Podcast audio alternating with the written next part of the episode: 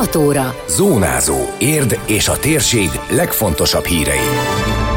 Segítség a tanévkezdéshez szeptember végéig kérhető a támogatás az önkormányzattól.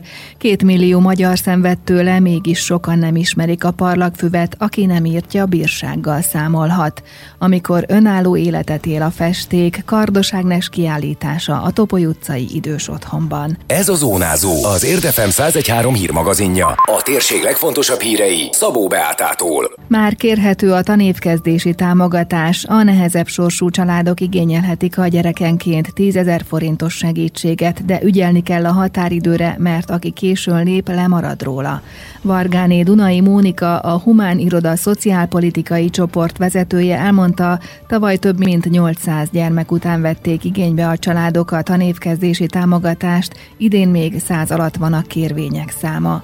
Az igénylésnél a fő szempont az egyfőre jutó jövedelem. A tanévkezdési támogatást minden család igényelheti, ahol a jövedelem nem haladja meg a 114 ezer forintot per fő, és a családban vagy bölcsödei, vagy óvodai nevelésben résztvevő gyermek van, vagy nappali oktatás munkarendje szerinti tanuló, vagy felsőoktatási intézmény nappali tagozatos tanulója. A támogatás összege az 10 ezer forint, amely a tanévkezéshez kapcsolódó kiadásokra szabadon felhasználható. A kérelmeket be lehet nyújtani egészen szeptember 30-ig, de a határidő elmulasztása jogvesztő, tehát utána már nem tudunk támogatást nyújtani a később érkezett kérelmekre. A múlt héten néztük meg éppen a nyilvántartásunkat, és akkor már 60 fő benyújtotta ezt a kérelmet.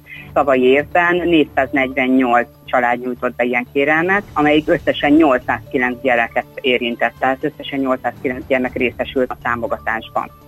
A támogatási kérelemhez fontos bizonyos igazolásokat is csatolni, hangsúlyozta a csoportvezető. A kérelem benyújtását megelőző hónap jövedelmét szükséges csatolni a kérelemhez, illetve 16 életévét betöltött gyermek esetén iskolátogatási igazolást, és a nagykorú gyermek esetén pedig a tanulói jogviszony igazolását, hogy nappali tagozatos felsőoktatási intézményben tanul. És ami még fontos, hogy a 18 év feletti gyermeknek saját részre külön nyomtatványon kell benyújtani a kérelmet. A támogatás támogatás igénylésére a város honlapján feltüntetett nyomtatványokon is van lehetőség, illetve papíralapon a polgárok házai félszolgálatán munkaidőben, a polgármesteri hivatal humán irodáján ügyfélfogadási időben, ez itt a Budai út 8-ban van, illetve lehet postai úton, ügyfélkapunk keresztül, és e-mailbe is, ha valaki rendelkezik egy ilyen személyes elektronikus aláírással. A tanévkezdésen túl a gyermekétkeztetéshez is lehet támogatást kérni, itt alacsonyabb a jövedelemhatár és egész tanévben lehet igényelni, ismertette Vargáné Dunai Mónika. Van egyszerűen a rendszeres gyermekvédelmi kedvezmény, ami ugye eleve ingyenes étkeztetés, illetve 50%-os étkeztetési kedvezményt nyújt. Aki ebben nem fér bele, mert ez egy alacsonyabb összegű jövedelemhez kötött támogatás, akkor van még ez a gyermekétkeztetési térítési díj kedvezmény, ami a normatív kedvezményeken túl még 50%-os kedvezmény biztosít. Itt a családban az egyfőre jutó jövedelem az 85.500 forint per fő, és a megállapodott jogosultság az adott nevelési év végéig szól. Sokan nem ismerik a parlagfüvet, legalábbis többször ezt tapasztalják az önkormányzat munkatársai az allergén gyomnövény miatti bejárásokon. Az ingatlan tulajdonosok arra hivatkoznak, nem tudták, hogy parlagfűnő az adott területen, pedig Magyarországon nagyjából minden ötödik ember számára allergiát okoz, és a számok egyre nő. Az érdi polgármesteri hivatalhoz rendszeresen érkeznek bejelentések, de az esetek többségében nem parlagfűről, hanem hozzá hasonlító gyomnövényekről, libatopfélékről, ürömfélékről, kanadai aranyvesszőről van szó, tudatta Barabás Emőke, az önkormányzat lakosságszolgálati irodájának vezetője. Az a tapasztalatunk, hogy a lakosság nagy része nem ismeri fel a parlagszüvet. Amikor kimegyünk egy bejelentésre, és fel tudjuk venni az ingatlan tulajdonossal a kapcsolatot, nagyon sokszor rácsodálkoznak, hogy hát ő nem ismerte fel, hogy az parlagszű, úgyhogy én felhívnám mindenkinek a figyelmét, hogy nézzünk utána utána, hogy hogy néz ki ez a parlagfű, és nézzük meg, hogy valóban a kertünkben, illetve a hozzánk tartozó közterületen nincs-e olyan, vagy van-e parlagfű. A parlagfű mentesítés természetesen minden évben az ingatlan tulajdonosnak a kötelezettsége, amennyiben mégsem tesz ennek eleget, és bejelentés érkezik, és virágzó parlagfüvet találnak a kint lévő hatósági munkatársak, azonnali kényszerkasszálást, közérdekű védekezést rendelünk el az éri érintett területre. A kényszerkaszálást aznap vagy másnap el is végzik, idén két alkalommal volt erre példa. Utána folyamatosan ellenőrzik az érintett területeket, ahol már rendeltek el közérdekű védekezést, hangsúlyozta Barabás Emőke.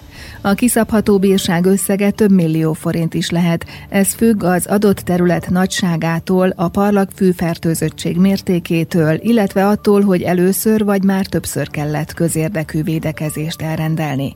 De a kényszer kaszállás is sokba kerül az ingatlan tulajdonosoknak hát olyan 200 ezer forint magassága. És a tapasztalat az, ahol közérdekű védekezést rendelünk el, azoknak az ingatlanoknak a nagysága ilyen 1000 négyzetméter, tehát az egy elég nagy terület.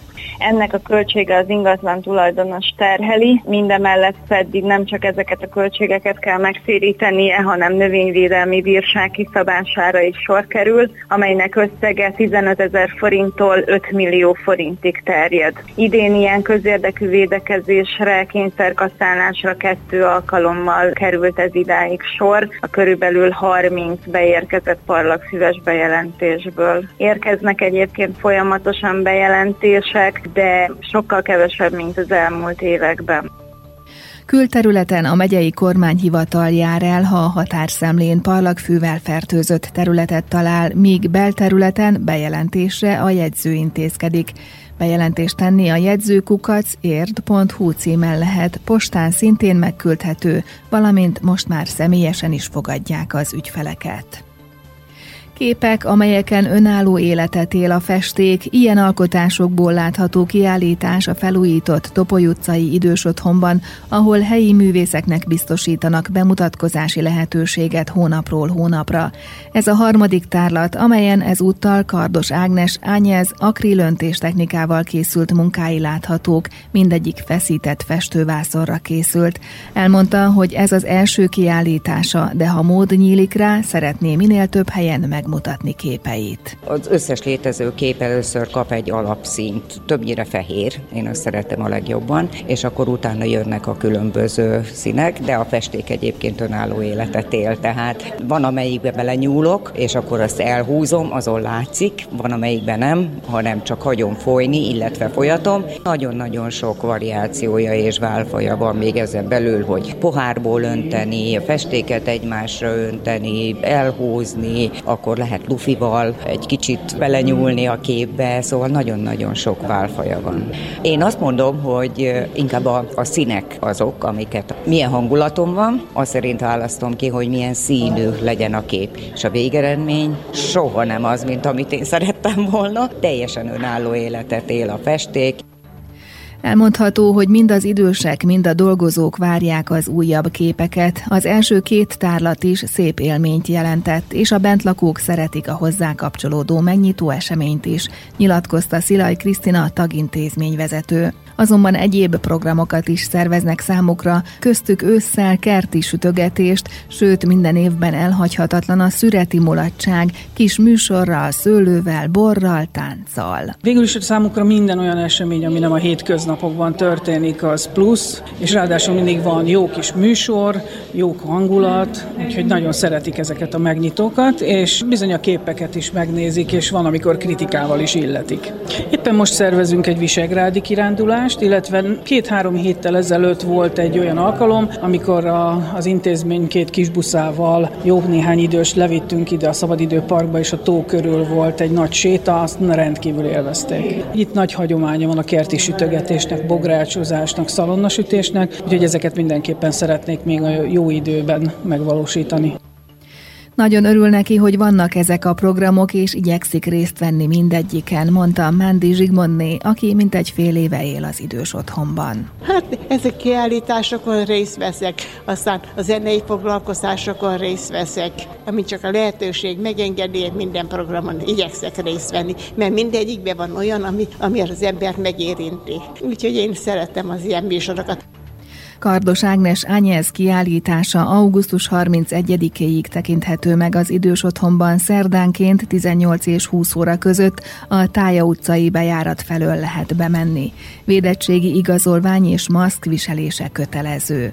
A megnyitóról készült beszámoló megtalálható az Érdmoston, amelyből megtudhatják, honnan kapta becenevét az alkotó, és kis ízelítőt is kaphatnak a tárlatból a videó és fénykép felvételek alapján. Időjárás. Eleinte sokfelé várható eső, zápor, főként keleten zivatar, de fokozatosan csökken a felhőzet, és egyre nagyobb területen kisüt a nap. A szél időnként erős, helyenként viharossá fokozódik. A csúcsérték mindenütt 30 fok alatt marad, errefelé 24 fok körül lesz. Zónázó. Zónázó. Minden hétköznap azért efemen. Készült a médiatanás támogatásával a Magyar Média Mecenatúra program keretében.